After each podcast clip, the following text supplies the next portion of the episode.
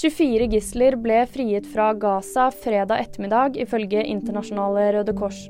Samme kveld skal 39 personer ha blitt løslatt fra israelsk fengsel. I løpet av en fire dagers våpenhvile skal 50 gisler løslates fra Gaza, og 150 fengslede palestinere skal løslates fra israelske fengsel. Og det er en reell mulighet for å forlenge våpenhvilen. Det sa USAs president Joe Biden fredag kveld norsk tid. Biden sa også at det er på tide å blåse nytt liv i arbeidet som kan føre fram til opprettelse av en tostatsløsning og fred mellom Israel og palestinerne. Emma Steinbakken ble kåret til årets artist under årets P3-gull. Aiden Foyer fikk årets nykommer, og Arif fikk den gjeve P3-prisen.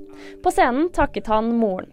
Min ryggrad, min største støttespiller. Og nyheter finner du alltid på VG.